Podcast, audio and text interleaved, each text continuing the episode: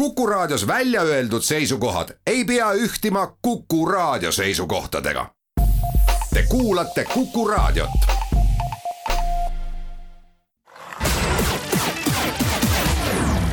nädala Tegija. nädala Tegija alustab, tere päevast ja täna üritame kokku võtta viimase nädala meie kõigi meeli ja pingeid vallanud valitsuskriisi ja sellest kriisist rääkima olen kutsunud hoopis opositsiooni juhi ja Reformierakonna esimehe Kaja Kallase, tere päevast. tere päevast. no tagantjärgi targana ega midagi väga ei muutunudki, et eh, kui nüüd mängu sees olla kogu selle poliitika ja kõigi nende ütlemiste ja üksteisele, ma ei tea mis, mis need laused olid, mida seal ajakirjanduses kasutati, et pandi vastu hambaid ja jalgu pandi ette ja. et kui kogu selle asja sees olla, kas mingil hetkel oli tunne ka, et see koalitsioon võib tõesti ka lagunema hakata? Äh, jah, oli äh, selles suhtes, äh, et koalitsiooni sees, eelkõige siis Keskerakonna saadikud äh, tegelikult olid ikkagi väga häiritud kõigest sellest toimuvast ja. ja minu teada esimest korda täitsa tõsiselt nad ikkagi fraktsiooni laua taga arutasid, et kuulge, et kas see karikas nüüd juba täis ei ole.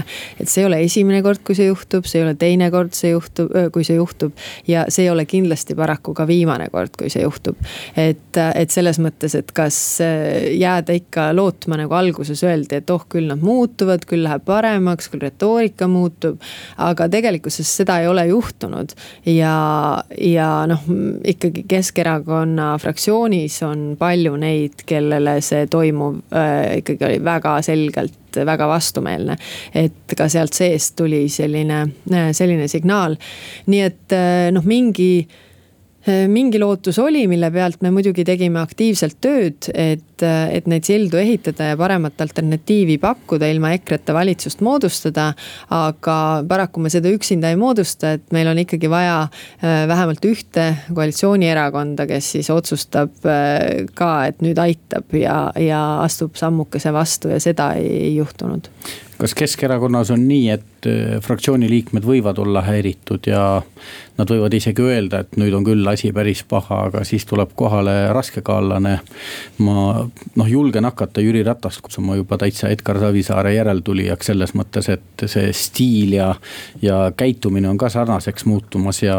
et tuleb kohale ja ütleb, et mis te siin õige mõtlete, et, et mina olen peaminister ja ma tahan olla peaminister ja kuna tal ilmselt ei ole kindlustunnet, mis tast saab, et siis eh, ütleme, rahulolematus või hirmud fraktsioonis lihtsalt eh, võeti maha? Jah, ei ole mina olnud kärbes muidugi Keskerakonna fraktsiooni seinal, aga eh, mis tuli jah, tõepoolest tagasi sealt oli see, et, et, et lõpuks otsustab ikkagi Jüri, et noh, meie, et kui ta nii peaks otsustama, siis meie teda toetame. aga me toetame teda ka, kui ta peaks otsustama teistpidi, et, et see on tema, tema otsus, nii et et, selles mõttes ütleme võrreldes eh, meie erakonnaga, kus meil on ikkagi väga intensiivsed arutelud eh, ja, ja palju arvamusi, siis mulle tundub, et neil on, eh, neil on teine stiil, et neil on tõepoolest nii, et juht nagu üksi otsustab ja, ja teised lihtsalt võtavad selle teadmiseks, kuigi noh, ma usun, et ta kuulab tegelikult ja, ja noh, nagu ma ütlen, et, et seekord, mis oli seekord nagu teistmoodi, oli ikkagi see, et et, äh, seal fraktsiooni laua taga olevat kõlanud ka neid hääli, et aitab küll. kui Jüri Ratasest ja noh, temast kui otsustajast rääkida, siis äh, äh, sellest oli juttu juba poolteist aastat tagasi, siis kui olid viimased valimised ja kui koalitsioon tekkis see, mis ta tekkis. ega teil vist ei ole Jüri Ratasega kahekesi liiga head suhtluspinda jätkuvalt? no meeste hulgas tunneb Jüri Ratas end paremini mm,. ma ei tea, kuidas seda sõnastada, aga. jah, eks, eh, eks see nii on eh, küll, et, ähm, et meie meie suhtlus võib-olla võiks olla tihedam ja võiks olla parem.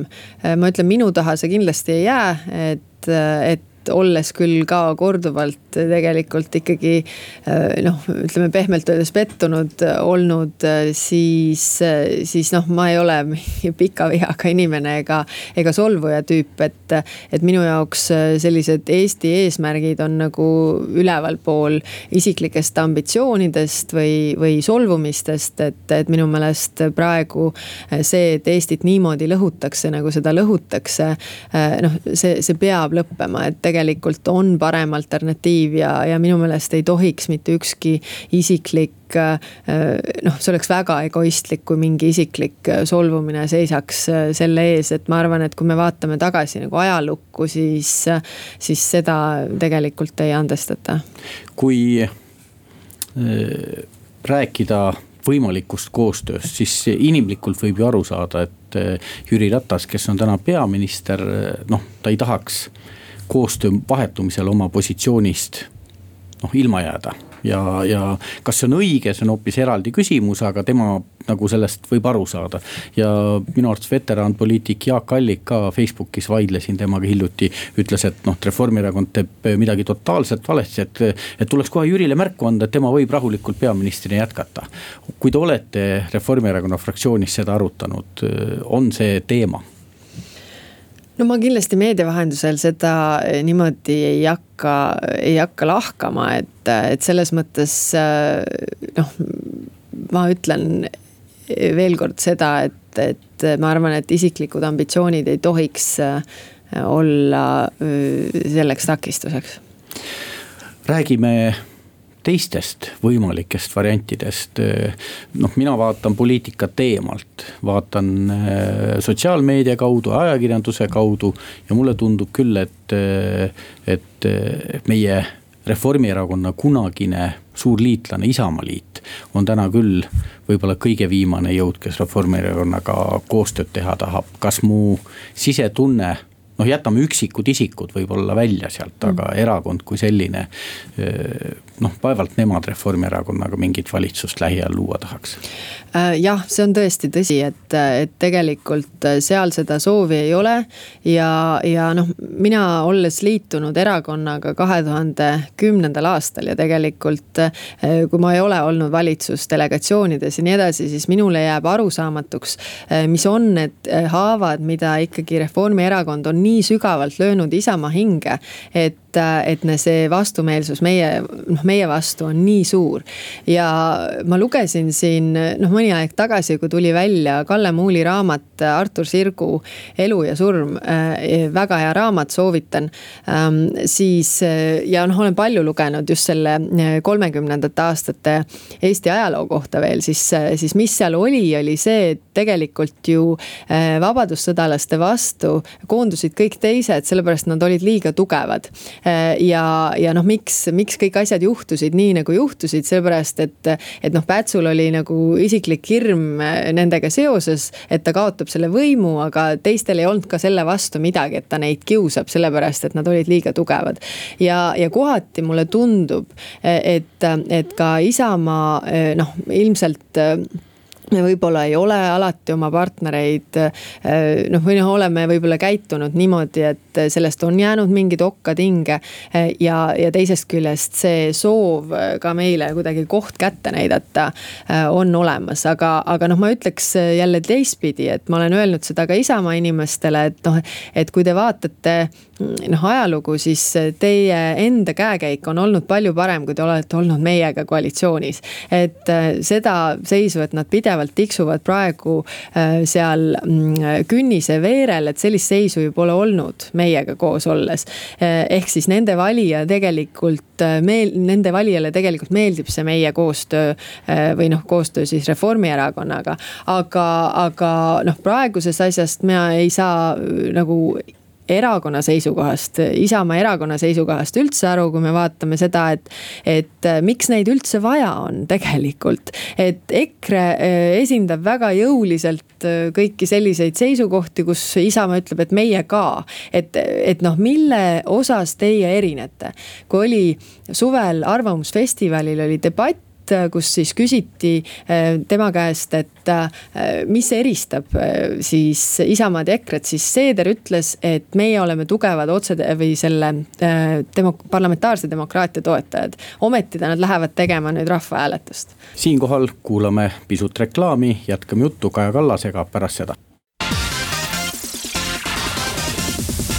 nädala Tegija nädala Tegija jätkab, räägime valitsuskriisist, aga ka muudel teemadel, saates külas opositsiooni suurima erakonna, Reformierakonna juht Kaja Kallas. mina olen Meelis Atonen ja meil jäi selle kriisi juurde või kriisi lõpu juurde nagu teema vähe veel pooleli, et kui, kui nüüd riigikogu tänaseid jõujooni vaadata ja noh, eeldada, et see koalitsioon ühel hetkel ei suuda enam koostööd teha. täna siin saates tuleb ka ära markeerida, et Urmas Reitelmann ju viis kohe ellu jutumärkides seda kokkulepet, mis eile koalitsiooni. jah, solvamisvaba poliitikat, kus ta siin küll, küll oma postitust kustutades, aga ilmselt, ilmselt aimamata, et inimesed ikkagi sal, suudavad selle salvestada ja, ja, ja alles jätta, aga et iseenesest, kui nüüd ühel hetkel sellel koalitsioonil läheb hapraks. kas on peale EKRE ja kas see EKRE välistamine on jätkuvalt jõus, teiste erakondadega kõigiga võimalik koostööd teha? Reformierakonna poolt vaadates? Äh, Reformierakonna poolt vaadates kindlasti, mis puudutab nüüd EKRE-t, siis ähm, noh, vaadates kõike seda, mis on pooleteist aasta jooksul toimunud, siis EKRE välistamine on olnud ainuõige otsus. Eh, nende väärtusruum on hoopis teistsugune. Eh, see, mis nad on nagu kaasa toonud, et võib-olla võiks öelda, et meie oleme tugevamad, kui Keskerakond oleks võib-olla tugevamalt sellele vastu seisnud, aga ma ei ole nii kindel. et seda on võimalik selliselt muuta, sest et meie väärtused on lihtsalt väga erinevad. Eh, ma olen mitu korda ju kuulnud Mart Helmet riigikogu kõnepuldist ütlemas, et mina vihkan seda Eestit, mida teie olete ehitanud. ma vihkan seda, ma tahangi seda lõhkuda. Ja ta ei häbene seda, viimane kord ta ütles, et tema ideaal on tema lapsepõlve Eesti, see oli Stalini aegne Eesti noh, see on tema ideaal ja, ja see on kaugel sellest, eh, mis on meie ideaal. meie ideaal on vaba Eesti, kus on eh, palju arvamusi, kus inimestest peetakse lugu, eks ole, kus eh, ei suruta alla ja ei ole mingeid senjööre nii-öelda. et, et kus ja mis on avatud ka ja mis on suunatud näoga läände, mitte itta. Ja mis ei igatse nagu tagasi mingit kolhoosi aega, vaid, vaid tegelikult ikkagi on tulevikku suunatud. Ja see ongi kapitaalselt erinevad nägemused, ma ei näe, kuidas oleks võimalik seda klapitada praeguse, praeguse suunaga küll. aga mis puudutab teisi erakondi, siis jaa, meie oleme omalt poolt avatud. Igal juhul minu meelest on väga oluline tegelikult moodustada ilma EKRE-ta valitsuskoalitsioon, sest noh, miks? jällegi ma kuidagi ei, ei tauni neid inimesi, kes, kes EKRE-t valivad ja neil on väga selge valijaskond. aga kui me mõtleme eh, valitsemisvastutusele, siis tegelikult see annab tooni kogu Eestile, kui eespool eh, valitsusliikmed solvavad, ründavad, saadavad Eestist ära eh, inimesi, siis see annab tooni tegelikult tervele ühiskonnale ja, ja see lihtsalt toob kaasa sellise vaenamise, mida ei ole vaja no Reformierakond oli väga pikalt võimul, seda on ette ka heidetud ja ma arvan, see on ka põhjus, miks noh, osad inimesed konkurenterakondades võib-olla mingit vimma või, või sellist kadedust tunnevad, aga noh, kui sa oled pikalt võimul olnud, siis on alati tekivad inimesed, kes selle võimu kaudu on noh, ma ei tea, tööl ja ajavad asju. nüüd on poolteist aastat möödas, ilmselt kõik on omal uue elu leidnud. aga vahetevahel ikka võib meediast leida, kuidas mõni reformierakondlane kirjutab, et Kaja Kallas ei taha miskipärast EKRE-ga koostööd teha. kui palju on neid inimesi Reformierakonnas, kes noh, ma ei tea, kas juhtkonna tasemel või ka allpool noh käies, ma ei tea, maakonna visiitidel või kuskil ütlevad, et miks ei tehta EKRE-ga, et see oleks ju variant, saaks äh, võimu, saaks, saaks nautida. saaks selle võimule. Äh, jah, et minu jaoks ka see võim ei saa olla nüüd asi iseenesest, vaid ikkagi see, mida sa selle võimuga peale hakkad. aga jah, meil on, ütleme võib-olla kaks inimest fraktsioonist, kes nii arvavad, aga isegi nemad möönavad praegu, et see oleks täiesti äh, ebamõistlik, aga ma siin just kuulsin Keit Pentus-Rosimannus, käis kohtumas inimestega Viljandis ja siis seal üks inimene käis ka selle ettepaneku välja ja selle peale kõik teised inimesed noh, kohe ütlesid, kuule lõpeta ära, et see, et see ei ole ja see ei ole nagu mõistlik mõte, aga nagu ma ütlesin, noh, liberaalne erakond, eks meil arvamusi on igasuguseid, aga, aga mina ütlen küll, et, et praeguses seisus vaadates kõike seda, mis toimub, siis see ei ole mõistlik mõte. koostöö punkte otsides, no Isamaa jaoks selles koalitsioonis kõige olulisem punkt oli pensioni teise samba reform või ma ei tea. lammutamine. no lammutamise alustamine mm. vähemalt, aga nüüd on see teoks tehtud kohus on öelnud, nii ta jääb.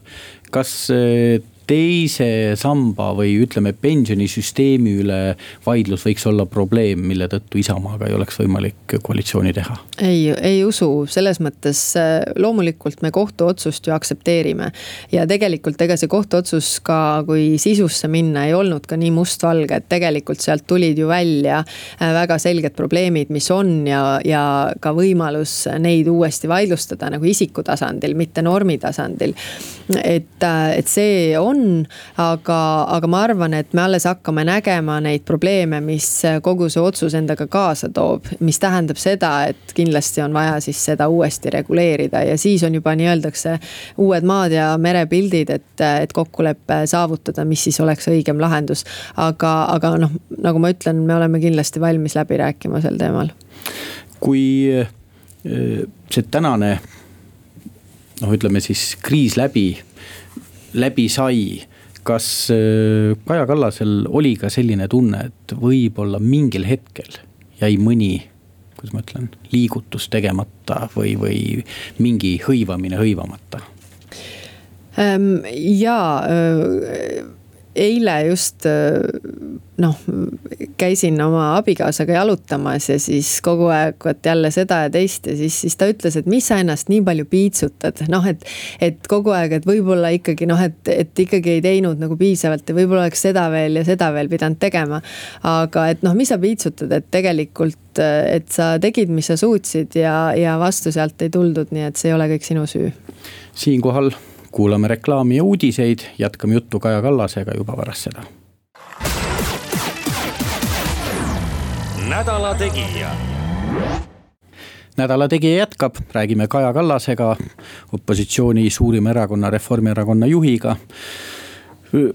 tuleme nüüd kriisi ma ei tea, kriisi lahenduse või, või, või vähemalt näilise rahulolu juurest äkki ka Reformierakonna juurde, et see oli küll nüüd mitte sel nädalal, vaid juba eelmisel nädalal, kui Reformierakonna endine esimees ja endine peaminister Taavi Rõivas teatas, et ta lahkub poliitikast, et noh, need inimesed, kes võib-olla olid Taavi karjääri näinud poliitikas, võtavad seda suhteliselt noh, loomulikuna, et, et ma tean isegi, et neljakümneselt, kui sa oled poliitikas kuhugi jõudnud, tekib küsimus, et kas siis kogu elu. ja, ja selles mõttes võib-olla ei ole mõtet Taavi küsimust üksikuna võtta, aga kui nüüd vaadata viimast paari aastat, siis Reformierakonnast. Lauri Luik vist otsustas, et ta ei kandideeri üldse. Kalle Palling lahkus, Arto Aas Remo Holsmer on eraettevõtlusesse läinud, noh iseenesest äh, kõik, kui Eesti poliitika tänast taset hinnata, ikkagi suurepärased, väga heade võimetega ja suurepärased tegijad. kas see tähendab, et Reformierakond nüüd kuidagi jookseb laiali? Ei, kindlasti mitte, mis on Reformierakonna tugevus, on see, et meie inimesed ongi hinnatud ja saavad hakkama nii erasektoris kui avalikus sektoris. kui mina äh, siis äh, kandideerisin erakonna esimeheks, siis ma oma kõnes ütlesin, et minu meelest meil oleks vaja elutervet rotatsiooni avaliku sektori ja riigisektori vahel. või tähendab avaliku ja erasektori vahel. just sedasama, et nii nagu mina tulin erasektorist poliitikasse, siis tegelikult inimesed, kes on terve elu olnud poliitikas, oma tööelu siis, lähevad ka erasektorisse jagama seda kogemust, mida sa avalikus sektoris saad ja vastupidi, et minu meelest on see riigi toimimise seisukohalt väga oluline. kõik need inimesed, ma pean neist väga lugu, täpselt nii nagu sa ütled, et tegelikult äh, poliitiliselt ikkagi väga mm, kõrgetasemeliselt ja, ja noh, ma neid äh, tähendab tihti Äh, ikkagi kuulasin selles mõttes huviga, et mina ei ole ju niimoodi poliitika sees äh, kasvanud, kuigi võiks ju öelda, et. et jah, et mul isa oli erakonna esimees, aga, aga noh, reaalselt niimoodi, et ma oleksin olnud kuskil äh, nõunik, eks ole, jälginud, kuidas suured poliitikat, suurt poliitikat tehakse, seda ju ei ole. ja, ja sealt on nagu palju õppida. ja kodus ka ei käidud poliitikat tegemas no päris. selles mõttes, eks neid jutuajamisi ja asju, mida ma ju pealt kuulasin, ikka oli, aga see pole nagu päris, päris see, et et selles mõttes noh, mingid tunnetused on neil ikkagi väga head olnud. aga noh, ma soovitaksin seda ka teistele, et, et minu meelest on see meie tugevus, et see ei ole elu ja surma küsimus, et noh, et kui ma nüüd valituks ei osutu, et mis ma siis teen, et siis minu elu on läbi. et ja, ja seetõttu tõttu ütleme, need toiduahelad, mis on mõnes erakonnas, mitte siis meie erakonnas, aga mõnes erakonnas noh, nii tugevad, et see, see nagu seob ja, ja paneb võib-olla oma väärtusi või põhimõtteid unustama. ma arvan, et see on väga ohtlik, et, et selles suhtes ma ütleks ka teistpidi, et, et kui nii tugevad tegijad on ees, siis justkui uusi tegijaid ei saagi tulla, sellepärast et kõik nagu tipud on juba täis, et teistpidi see annab võimaluse uutele inimestele, et noh, näiteks meil on ka Andres Sutt on nüüd riigikogus väga aktiivne ja, ja uus inimene, kes tuli ju ähm, tegelikult ka erasektorist. endine Eesti ja... Panga asepresident ja hiljem Eesti Energias Just, töötanud ja vist rahvusvahelises. maailmapangas. maailmapangas jah, oli tema et ja, ja noh, Euroopa institutsioonides ka, et noh, väga, väga tugev tegija, et, et suurepärane, et ta meie meeskonnaga on liitunud või Signe Riisalo näiteks sotsiaalvaldkonnas ülitugev tegija, kes on olnud avalikus sektoris sektoris äh, nagu siis nõu-, ametnikuna. et, äh, et noh, see avab ka äh, uutele inimestele võimalused ja mina pigem vaatan seda kõike nagu positiivselt.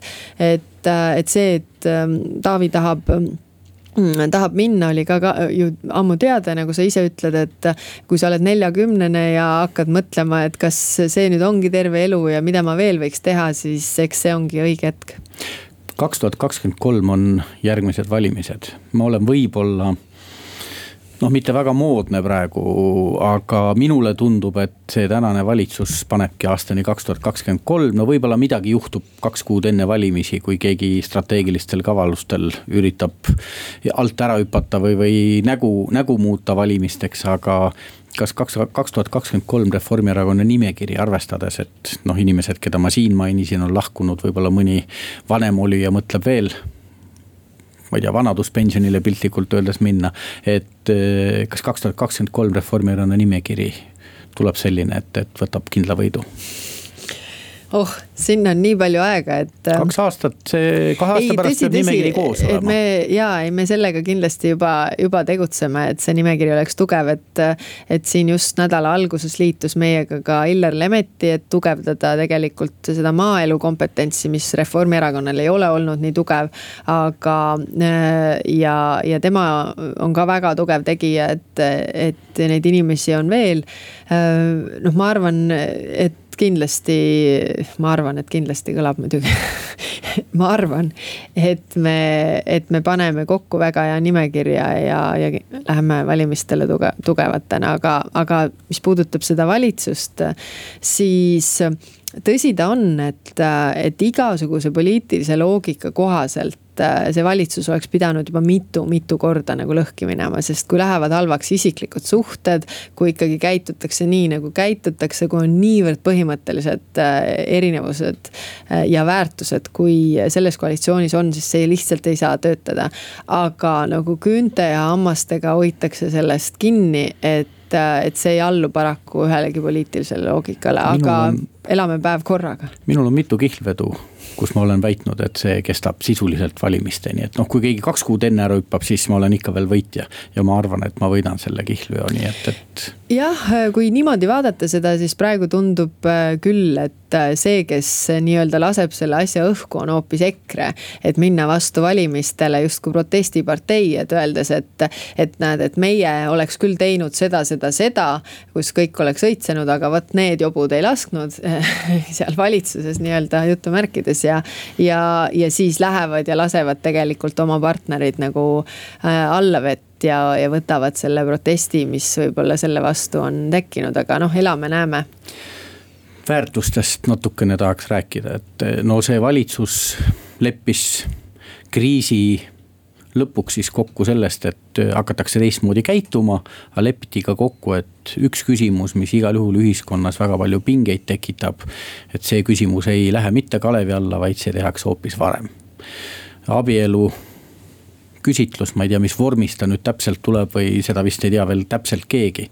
aga minu küsimus on äh, kõigile neile poliitikutele, kes valitsusega ei ole segatud ja kuna täna on Reformierakonna esin-, esimees siin, siis ma küsin väga konkreetselt, et kas Reformierakond kavatseb selle äh, noh, ütleme siis hääletuse läbi viia nii, et võetakse selline neutraalne positsioon ja et noh, vaatame ja noh, oh-oh. ja, ja erinevad, erinevad liikmed saavad erinevaid positsioone näidata või julgetakse öelda, et me ikkagi võtame väga selgelt liberaalse positsiooni, me oleme eh, inimeste poolt, kellel, kes võib-olla on nõrgemad ja nõrgemad mitte füüsilise ega isegi mingi, mitte vaimse jõuga, vaid nõrgemad selles mõttes, et neid tõesti kiusatakse. ma ei tea, kuidas, kuidas eh, sulle tundub, aga mina pean ühe asja pärast olema, ma olen seda mitu korda öelnud, aga ei väsi kordamast, ma pean EKRE-le väga tänulik olema. sest mina varem arvasin ka, et miks mõned inimesed liiga palju miitinguid teevad selle tõttu, et noh, mulle tundus, et nad ise löövad mingit pilli lõhki, sest mm. probleemi ei ole ja ma olin pime ma tunnistan täna. ja täna ma saan tänu EKRE-le aru, et see probleem oli olemas ja need inimesed tunnetasid. kuna nad on asjaga seotud, nad ilmselt tunnetasid paremini kui mina, kes ma olin kõrvalseisja. aga kas me julgeme väärtusi kaitsta või on pigem taktikaline kavalus olla ettevaatlikum? täna lugesin just edasi, selline äh, väljaanne on internetis. jah, mu vana sõbra Janek Uibo. just, Janek Uibo väljaanne, seal Suusan Luitsalu kirjutas täpselt sedasama, et ma varem ei saanud saanud üldse aru, mis see probleem on, aga, aga tänu selle EKRE räuskamisele ma saan aru, et tegelikult see on tõesti probleem, et. et need inimesed, kes maksavad reaalselt Eestis makse, ei saa kõiki neid samasid õigusi, mis on äh, teistsuguse sättumusega inimestel. et äh, mis puudutab nüüd seda rahvahääletust, et tegelikult äh, meie esimene nii-öelda plaan on olnud see, et seda rahvahääletust ei ole vaja nagu selles mõttes. no kahjuks see tuleb. Eh, ja et, et seda rahvahääletust ei ole vaja, et, et see noh, on ka põhiseadusvastane, nüüd nad võtsid selle põhiseaduse sealt ära. et see enam põhiseadusvastane justkui ei ole, aga ikkagi täiesti ebavajalik. Eh, mina olen endiselt sellel seisukohal, et, et kui mm, tähendab, meil on perekonnaseadus, kus on abielu mehe-naise vahel, las ta siis olla, aga kooseluseadus peab toimima nii, et see tsiviilpartnerlus oleks võimalik ja, ja siis tegelikult see, see nii-öelda äh, teine pool sellest võrrandist peaks olema see, et äh, siis kooseluseaduse rakendusaktid saaks vastu võetud, et need inimesed saavad kõik need õigused sellest tsiviilpartnerlusest. seda toetas ka paavst tegelikult, kui vaadata äh, väljaütlemisi, siis ja isegi vist Urmas Viilma ütles mingi poole sõnaga, et siis tuleb kooseluseadust nagu ikkagi täiendada. et, et nendel inimestel oleks õigus oma kooselu registreerida. Need inimesed on olemas meie keskel ja, ja neil on äh, siis samasugused õigused, peaksid olema. Neid ei tohiks selliselt kiusata, sest et äh, lisaks sellele seksuaalsele sättumusele, mida nii sina või mina, eks ole, ka ei deklareeri, et mida me kodus äh, teeme. aga need inimesed on arstid, õpetajad, ma ei tea, ehitajad no,, mis iganes, nad on meie osa meie ühiskonnast, et ähm, et noh, sellel vaenamisel ei ole absoluutselt äh, mitte mingisugust alust. nii et, et noh, selles mõttes äh, perekonnaseadus, las see olla, aga siis äh, kooseluseadus, tsiviilpartnerlus peaks siis sellisel kujul töötama nii, et, et ka kõik need lahendamist vajavad rakendusaktid saaksid vastu võetud. siinkohal kuulame reklaami, jätkame juttu Kaja Kallasega pärast seda. nädala Tegija nädala Tegija jätkab saate viimaseks veerandiks. nii imelik, kui see ei ole, aga saate alguses rääkisime tegelikult ju. kriisi teema peaks olema praeguses ühiskonnas selline teema, mida või ühiskonna toimimise ajahetkel teema, mida ei peaks üldse õhus olema, et meil on siin koroona ja pandeemia ja, ja, ja jätkuvalt.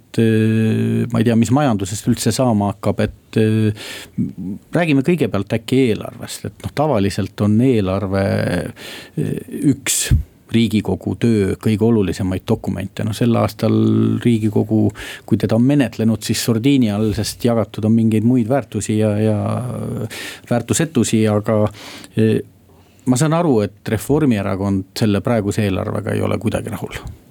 Ei, ei ole jah, esiteks see, et ikkagi suurendatakse äh, kulusid, äh, noh siis riigieelarve kulusid üle tulude kõvasti, et äh, kolmteist miljardit on kulusid ja üksteist miljardit on tulusid, ehk siis me elame üle oma võimete.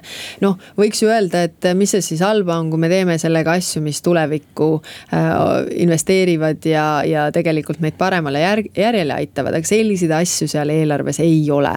et see on omadele jagamise eelarve, see on tegelikult rahaga suu kinni toppimise eelarve.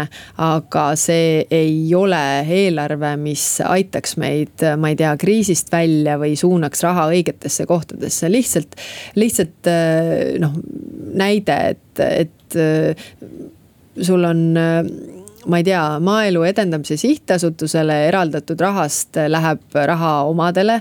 Äh, ja ka mingitele ettevõtetele, kellel ei ole tegelikult üldse majandustegevust ja, ja kõik on väga imelik. ja samas äh, või siis Porto Francole siis käibekapitali laenuks kolmkümmend üheksa koma viis miljonit, see on küll KredExist, aga ma lihtsalt toon selle nagu näitena. ja samal ajal, kogu turismisektor, kelle käive on kukkunud üle üheksakümne protsendi, sest et turism turiste lihtsalt ei ole, äh, siis nemad saavad eelarvest äh, viis miljonit äh, tegelikult tuge. noh, need proportsioonid on lihtsalt niivõrd erinevad, et, et seal sellist segadust on väga palju. kui küsida, et noh, mis on siis need investeeringud, mis tehakse, siis tegelikult ei suudeta mitte ühtegi asja välja tuua. blufitakse, aetakse sassi erinevad asjad, justkui räägitakse mingitest investeeringutest, me küsime eelarves, need ei ole, miks te nendest räägite. ah, need võib-olla tulevad siis Euroopa rahadest. Euroopa rahad eh, ei ole veel otsustatud Euroopa Parlamendis, nii et neid veel tegelikult jagada ei saa. või siis räägitakse mingitest unistustest, mis on kirja pandud riigi riigieelarve strateegiasse, mis siis pannakse kirja sisuliselt neljaks aastaks.